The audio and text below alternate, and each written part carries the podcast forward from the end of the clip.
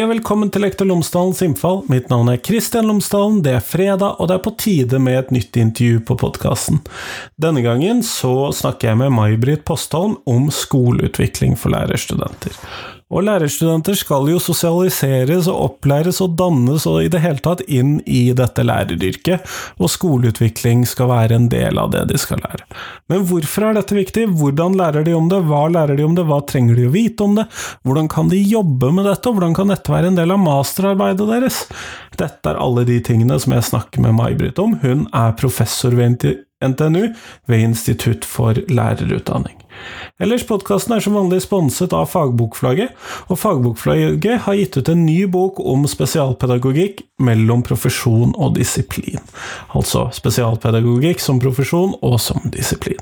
Boken er en utviklingslinje i tre deler og handler om grunnlagsspørsmålene og de historiske utviklingslinjene innenfor det spesialpedagogiske fagområdet.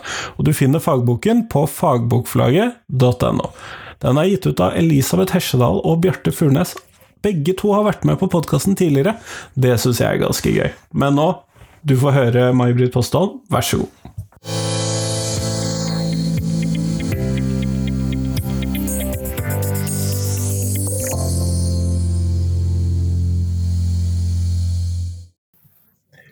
May-Britt Postholm, tusen takk for at du har tatt deg tid til meg i dag. Ja, bare trivelig, det. Før vi kommer i gang med episoden, så hadde jeg håpet at du kunne fortelle lytterne mine tre ting om deg selv, sånn at de kan få bli litt bedre kjent med deg. Mm, ja. Ja. Eh, jeg vil si jeg er ganske målbevisst. Og jobber egentlig for å nå de målene jeg har satt meg òg. Eh, samtidig så liker jeg veldig godt å jobbe sammen med kollegaer. Og, og, Det handler om at, eh, at, jeg leder flere forskningsgrupper. og Det å få til noe sammen med dem som er i de gruppene, det syns jeg er veldig kjekt. da. Um, og så liker jeg veldig godt å gå ut i naturen og, og bruke meg sjøl litt. Og ikke minst også nyte av det som naturen har å by på, både i forhold til opplevelser og mat. Ja. Kjempeflott. Tusen takk for det. Du har jo begått en bok, og den handler om eh, innføring i skoleutvikling for lærerstudenter. Ja. Og da er jo min sånn eh, åpningsspørsmål, fordi, og, dette er jo ikke så eh, Skoleutvikling er jo viktig i skolen, og det er noe vi må jobbe aktivt med for å bidra til og sånn, og det mm. tenker jeg er viktig. Men for lærerstudenter, er, er det viktig allerede for de? Mm, ja, det var et interessant spørsmål. Uh, jeg har jo skrevet en bok som du ser, som heter 'For innføring i skoleutvikling for lærerstudenter', og så har den også en undertittel. Den er med FoU og masteroppgaven som grunnlag.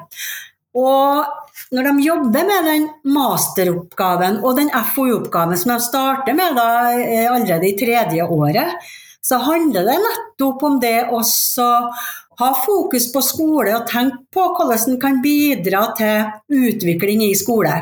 I første omgang så handler det om å tenke på hvordan en kontinuerlig kan utvikle egen praksis, men det står også i rammeplan for lærerutdanning at studentene skal bli i stand til å kunne bidra til å utvikle skolens felles praksis. Så det kan jeg nå svare i sånn første omgang nå, da. Ja, og det er jo et begynnende svar, det. Eh, absolutt. Og det er jo hvis vi først skal da være ute i skolen og vi skal kunne forvente at skolen driver med skoleutvikling, så må vi jo begynne på et eller annet tidspunkt. Mm. Ja. Eh, men hva tenker du blir viktig fordi at Dette er jo på et veldig tidlig løp, og de har jo mm. ofte ikke så store kjennskap til skolens praksis og hvor de nå engang havner etterpå. og sånn. Mm. Eh, hva er det du tenker er særlig viktig at lærerstudentene kan og vet og gjør når det kommer til eh, mm. skoleutvikling? Jeg tenker jo at Gjennom de, de oppgavene da, som de gjør i lærerutdanninga, eh, den F-oppgaven og masteroppgaven, så lærer de seg jo til å være systematisk. Eh, de lærer seg til å være analytisk. Og, og, Det kan jo tolkes på ulikt vis, men det står jo det at uh, studentene skal ta utgangspunkt i problemstillinger i praksisfeltet. Uh, I hvert fall står det i Læringsløftet. Eh, og da handler det jo om at de faktisk da prøver å se på problemstillinga der. Mange av studentene er også ute i praksis sammen med en lærer og prøver å utvikle eh, undervisninga også som kanskje den læreren som de sammen med, ønsker å utvikle. Eh, jeg har jo jobba i et prosjekt i fire år som nettopp er avslutta, der lærerstudenter også var med i prosjektet og jobba på den måten. Hvordan opplevde du å ha med lærerstudentene på et sånt prosjekt som det? Det høres jo ut som en veldig hva skal vi kalle hands on måte å være lærerstudent på? Ja, det, det, jeg tenker det var interessant for alle parter. Det var eh, lærerutdannere fra universitetet som deltok det var lærerutdannere i praksis, som vi kaller det i prosjektet, og det var lærerstudenter. Og i vårt delprosjekt så var det to fag da vi konsentrerte oss om. Eh, og vi, alle de tre partene, vi, vi samla oss i det som vi kalles for, på norsk for endringsverksted. Eh, det, og, og vi starta faktisk med å reflektere rundt hvordan har vi nå opplevd praksisen i lærerutdanninga så langt. Og da var det veldig interessant det som studentene kom fram med, tenker jeg. Ja, de, eh, de vil jo se ting på en annen måte enn det både erfarne lærere og erfarne lærerutdannere vil gjøre. Hva sa du nå? At? De vil se det på en annen måte enn mer erfarne ja, skolemennesker. Men det de, de uttalte, var at de opplevde kommunikasjon Eh, mellom eh, universitetet da, og praksisskolene som for svak. Så de opplevde seg sjøl som bindeleddet mellom universitetet og skolen. ikke sant? Eh, og når de skulle gjøre den FoU-oppgaven, så, så, brukte vi faktisk to endringsverksteder, og delvis også det tredje, dvs. Si, eh, et semester og litt over det, for å komme fram til hvilken felles tematikk er det vi ønsker å fokusere på for å utvikle den i praksis. Og hvordan vil vi på en måte designe prosjektet vårt? Så, så det å bruke veldig god tid i oppstarten, sånn at alle på en måte kjenner på at det her er viktig for meg, det her ønsker jeg faktisk å jobbe med. Det tok vi oss tid, på, tid til, og det har vi skrevet om også i en vitenskapelig artikkel, der rektor på den skolen som vi samarbeider med, også har vært med og skrevet. Det er første gangen jeg har hørt om at rektor er med på den typen arbeid. Det er jo i seg selv ganske gøy. Ja, det, det tror jeg den rektor synes og Det syntes vi også. Men, men, når vi da skal drive med skoleutvikling, eh, hvordan, eh, og det burde jeg kanskje stilt spørsmål om først, hvordan definerer vi skoleutvikling, eller hva er det du tenker på når vi da tenker på mm. skoleutvikling i denne sammenhengen? Ja, altså Skoleutvikling kan jo forstås på flere måter. Eh, den ene måten kan jo være at en studerer eh, styringsdokumenter, meldinger til Stortinget, styringsdokumenter herunder læreplan f.eks. For, for å se på, en måte på handlingsrommet i skolen og hvilken retning det gir for skoleutvikling. Eh, det kan være at det er enkeltlærere som prøver å utvikle praksisen sin i et samarbeid, eller det kan være hele skolen som faktisk jobber i fellesskap, alle, alle ansatte på skolen som jobber i et fellesskap for faktisk å utvikle skolens kollektive praksis. Og det er der på en måte det synet jeg jobber ut ifra. da. Um, og I den sammenhengen så kan jeg også si at nå jobber jeg i et nytt prosjekt som er støtta av Forskningsrådet. Og Da handler det om å samarbeide med eh, alle lærere og ledere på enkeltskoler. Vi har seks skoler i prosjektet til sammen. For å utvikle skolens praksis. Og jeg sa jo det i stad at eh, det er veldig viktig å jobbe med hva er faktisk det vi ønsker å gå inn på her. Og Det har vi også brukt nå da hele høstsemesteret på på én skole, for å finne ut hva er det lærerne og lederne sammen ønsker å jobbe med innenfor tematik tematikken læreres profesjonelle digitale kompetanse, som er da tematikken som skal jobbes med på skolen. Men Det kan jo være mangt innenfor det de ønsker å ta tak i. Ja, for det sier seg jo ikke selv hva det temaet inneholder av uh, tematikk. Nei. Nei. Men du fokuserer da altså på det, eh, på det, kollektive og på de prosessene som man står i som fellesskap. Da. Og Ja. Det det. jeg ser jo det at det, man snakker da bl.a. om dette her med praksisfellesskap og profesjonelle læringsfellesskap som en del av eh, dette. og det Mhm. eh, jeg vet jo ikke om alle lærere ute på alle skolene er like bevisst på, den, på, på disse elementene og på dette med skoleutvikling, men man eksisterer jo bare da i en skole som lærer og gjør jobben sin så best man kan. Ja. Eh, og Da er det jo kanskje interessant om en bok som dette, da, som fokuserer på skoleutvikling, som allerede på da dette stadiet her kan bidra til at de senere er mer bevisst på skoleutvikling. Hva tror du om det? Ja, det, det er nå vel det som er intensjonen.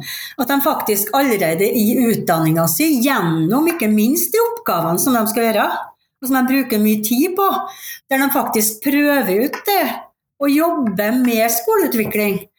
At de også tar med seg den forståelsen ut i praksisen eh, når de starter som nyutdanna. Og vi har jo snakka med de nyutdanna lærerne som var med i det prosjektet som jeg nevnte.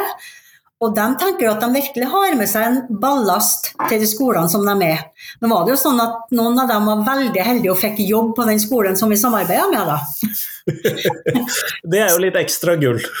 Det var litt ekstra gull for dem, ja. Det var nok det. Og da kom de jo til en skole sant, der rektor var kjent med måten å jobbe på, og flere lærere hadde vært med. Så de kom jo inn i på en måte en sånn kultur der det var kjent hvordan de skulle jobbe med skoleutvikling på den måten. da. Ja, og det er jo ikke Noen skoler er jo veldig satt i sine metoder, mens andre er mer, hva skal vi kalle det, åpen for eller ser at her må vi gjøre endringer. Og det vil jo være veldig forskjellig fra skole til skole. Ja, altså, det har jo vært nasjonale satsingsområder. Eh, jeg jobba jo også i ungdom, det som heter for ungdomstrinn utvikling. Ja. Eh, Da leda hun den gruppa på NTNU som koordinerte arbeidet for alle UH-institusjoner i Norge som jobba i det prosjektet, eller den satsinga som det het. Og da var det også et arbeid som skulle være skolebasert. Og skolebasert i den sammenhengen var definert som at alle i skolen skal delta på det utviklingsarbeidet. Eh, Det der arbeidet starta jo allerede i 2012. Eh, Og nå har vi jo desentralisert kompetanseutvikling i skolene, som også jobb, der det skal jobbes på den måten. Så, så det skal være en, en måte å jobbe med skoleutvikling på som skal være kjent også i skolene. Men så handler det om at det partnerskapet da, som, som dannes mellom UH-sektoren og skolene, at alle parter kjenner til den måten å jobbe på. Eh, Ja. Ja. Så, så, så det handler jo om kompetanse i alle ledd, egentlig, da. For at det her skal på en måte bli sko en skolebasert utvikling. Mm. Og det er jo kanskje noe av det krevende i dette, er nettopp det der med å skape det fellesskapet og skape den forståelsen på tvers av et lærerkollegium. Et Mm. lærerkollegie er jo ofte 20-50 mennesker med vidt Ja. forskjellige pedagogiske meninger. Ja, og, og jeg tenker det er derfor det er så veldig viktig å så- ta seg tid i starten av et sånt prosjekt, kall det nå det, da. Eh, Egentlig så jeg liker ikke helt å bruke ordet prosjekt, for det har en start og en slutt. Og, og det er mange som sier det nå, eh, om det jeg skal si, at det må gjøres før prosjektet starter, starter. Men jeg tenker at det jeg vil si nå er en veldig viktig del av prosjektet. Fordi at eh, hvis alle på en måte skal ha en stemme eh, det, og, og oppleve at de har en stemme i det arbeidet som skal gjøres, så må den stemmen bli hørt. Da må alle bli hørt. Og hvis alle skal bli hørt, så må det legges til rette for dialog. Og Det er nettopp derfor at det er så veldig viktig å ta seg god tid i starten av et sånt arbeid. For nettopp å få fram alle stemmene. Sånn at i hvert fall alle forstår hvorfor at en skal jobbe med den tematikken han kommer fram til. Nå er det jo sånn, Jeg, jeg liker egentlig Walcott, det er en etnograf, eh, som, som sier det at eh, kult, en kultur det handler om en gruppes handlinger og de overbevisningene de knytter til de handlingene. Så hvis en, en, et kollegium skal bli eh, kjent med hverandres overbevisninger, hvorfor de gjør ulike handlinger, så fordrer jo at en snakker sammen. Forstår hverandre. Ja. Det kan jo være komplisert nok i seg sjøl. ja, det kan være komplisert nok. Og, og, i et lærerkollegium så vil det jo alltid være noen som kjenner på motstand mot endring. Eh, men de stemmene kan jo òg være nyttige å, å, høre på i et sånt arbeid. Det kan jo være ulike grunner til at en faktisk ikke kjenner på at, at, en, at det, det, krever jo en god del å prøve ut noe nytt og ikke på en måte være i det trygge. Og, og, og, og hele tida på en måte skulle endre og utvikle seg. Så det, så det kan jo være ulike forhold utenfor skolen som gjør det kanskje at en ønsker litt stillstand innimellom. Så, og ikke minst ressurssituasjonen i skolen. Ja, absolutt. Mm. Men når man da skal ta, ta med og gjøre disse forskningsarbeidene, gjøre disse mastergradsarbeidene eh, eh, hvordan, hvordan, er sånne prosesser? Ja, jeg, jeg, jo, jeg har lyst til å ta utgangspunkt i det prosjektet jeg nevnte som var avslutta nå. Der vi brukte endringsverksted, eller så fint change-laben som det heter på engelsk. da. Eh, der ble det da bestemt i, i endringsverkstedene hva tematikken skulle være i matematikkfaget f.eks., og hva tematikken skulle være i kroppsøvingsfaget. Da var det lærerutdanneren på universitetet og i praksis og studenten som i fellesskap kom fram til det. Og da var det også noe som lærerutdanneren i praksis ønska å utvikle. Så da gjorde lærerstudentene sammen med praksislæreren, da. Eh, og da fikk han jo veldig god støtte jo, i å gjennomføre det opplegget. Samtidig som han skulle også ha et forskerblikk på det, da. Og skrive om det etterpå. Også bruke ulike, eller en, en metode for å analysere faktisk den informasjonen som en fikk inn i forhold til det, det opplegget som ble prøvd ut. Så det var hele tida snakk om å prøve ut ulike opplegg og se hvordan de fungerte. For eventuelt å endre praksisen. Nettopp, nettopp. Det må jo mm. være utrolig interessant for både, disse som, både skolene og for studentene å kunne få bryne seg på noe som er hva skal vi kalle det, praktisk da, eller reelt. Det er jo ikke alle masterprosjekter som er eh, like hands on og mm. virkelighetsnære. Ja, og det var akkurat det studentene sa. De opplevde det som meningsfullt fordi at det var behov for det i skolen. For de, hadde, de fortalte jo at de har gjort flere sånne oppgaver tidligere. Og når de kom til den skolen, så, så var ikke praksislæreren nødvendigvis så interessert i det de skulle gjøre. Så det var gjerne at de var i, i praksissituasjon, og så samla de inn data, og så dro de tilbake og skrev de om det. Eh, jeg husker, jeg tror det var rektoren som sa det. Hun sa det at, hun kalte det for øyeblikksforskning. De var der et lite øyeblikk, og så for de. Uten at de på en måte deltok i prosessene på skolen. Ja, og det gjør det jo litt mer krevende å skape eh, legitimitet og plassering ut i skolen igjen. Mm, ja, det er jo det. Mm. Men, de da, og, men da, når noen da fikk jobb etterpå på disse skolene, så var de jo for så vidt sikret å ta med seg disse opplysningene inn i skolen, men ble dette da presentert de andre resultatene ble de presentert for skolene ute i skolen etterpå? Det, på, på, de skolene, skolen, som vi samarbeider med, så fikk alle lærerne høre om det. ja. Det ble presentert i kollegiet. Mm. Da tror jeg at jeg hadde kjent på litt ekstra puls hvis jeg var masterstudent og skulle presentere det for de jeg hadde forsket på. ja, men det gikk visst kjempebra, for de gjorde det jo, det jo sammen sant, med den praksislæreren som de har jobba sammen med. De følte jo at de var ikke alene om det. For, for, det kan jo være svært utfordrende å komme til en skole med mange erfarne lærere og sier si ja, nå skal vi prøve ut praksisen her. Nå tenker jeg at det dere gjør skal bli bedre, på en måte. Ja. Det kan jo være veldig krevende, ja.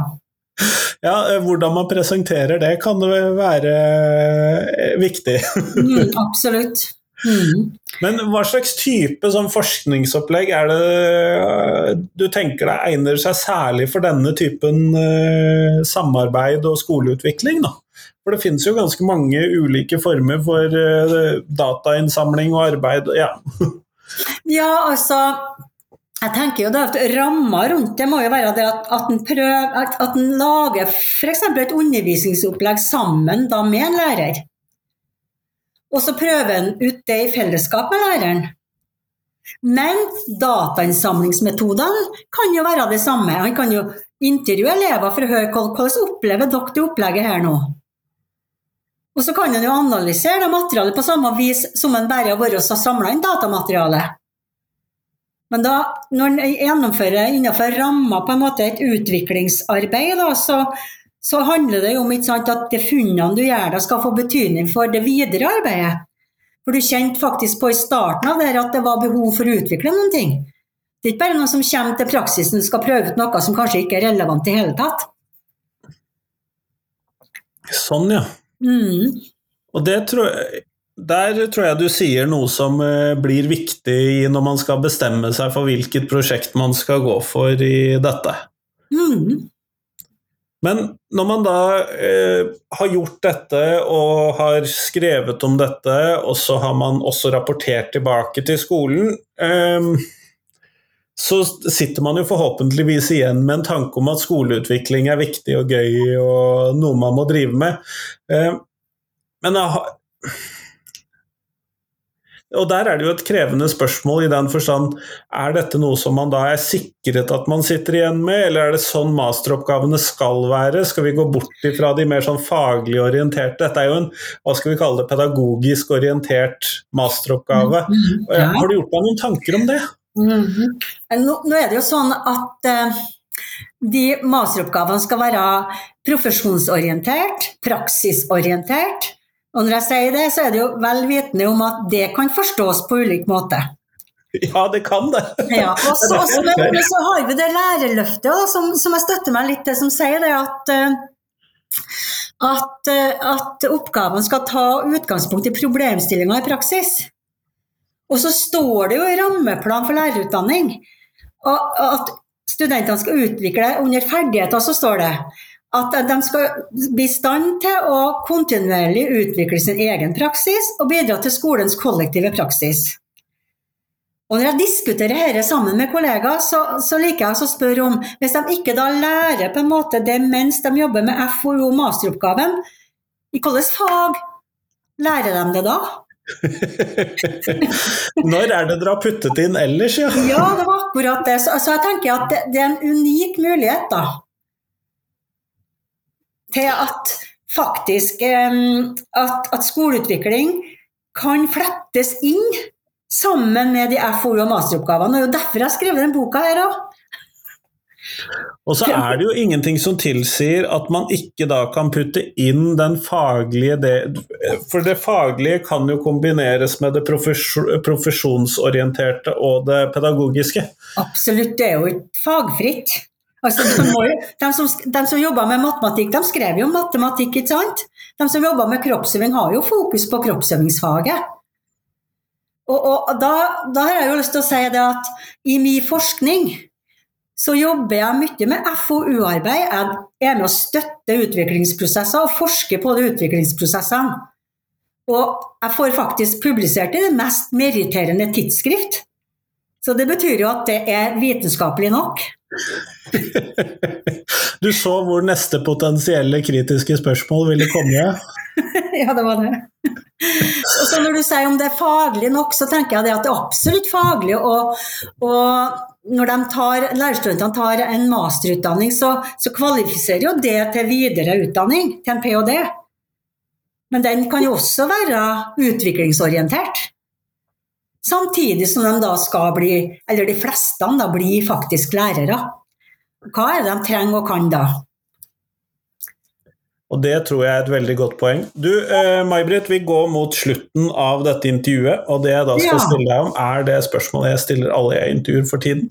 Og det er hvilken lærer har gjort størst inntrykk på deg, og hvorfor det? Ja, jeg sa jo det innledningsvis at jeg var veldig glad i naturen. Og jeg hadde en lærer på ungdomsskolen. Da hadde vi en hel dag med friluftsliv. Og det husker jeg i 9. klassen, som nå da er 10. klassen. En hel dag på mandagene med friluftsliv. Eh, og vi hadde også den læreren i nattefag ellers, da. Eh, og den læreren jo har gjort veldig inntrykk på meg, det kjenner jeg på. Jeg hører stemmen til den læreren ennå når jeg ser fugler ut og ser blomster ut og finner sopp. og så jeg tror nok jeg var glad i naturen før jeg fikk den læreren òg, men jeg tror nok at han har bidratt til at jeg liker enda bedre å ferdes ut i den fine naturen som vi har. Det er jo et uh, veldig godt bidrag han da har etterlatt seg i, uh, i, ditt liv, da, høres det ut som. Ja, det, det, har han virkelig gjort. Han heter for Tore Øverland. Eller han het for Tore Øverland. Mm. Ja, han uh, hadde vel oppnådd en ganske substansiell alder hvis han fortsatt var i live akkurat nå. Det hadde han, vet du. Kjempeflott. Tusen takk, May-Britt, for at du tok deg tid til dette i dag. Ja, bare trivelig, det. Få snakke om noe så interessant.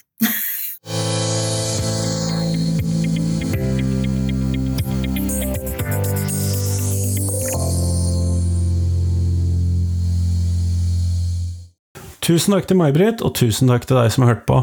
Nå er det fram til tirsdag, så kommer det en ny episode på podkasten, og det kan du glede deg til. Da kommer det noe kjempegøy, og det er jeg alltid veldig fornøyd med å kunne dele. Da kommer det Harald Eidså, han er rektor ved Blindheim ungdomsskole i Ålesund kommune, og han var en av disse skoleleie ungdommene når han gikk på ungdomsskolen. Og hva betyr det for hvordan han er som rektor? Hva betyr det for skolen han jobber på? Og hva er det som er viktig for han som rektor, når han tidligere har vært en av disse skoleleie? Dette får du høre på tirsdag. Ellers, del podkasten min med noen som du tror vil sette pris på den. Det vil i hvert fall jeg sette utrolig pris på, og så gleder vi oss til juleferie. Hei, hei!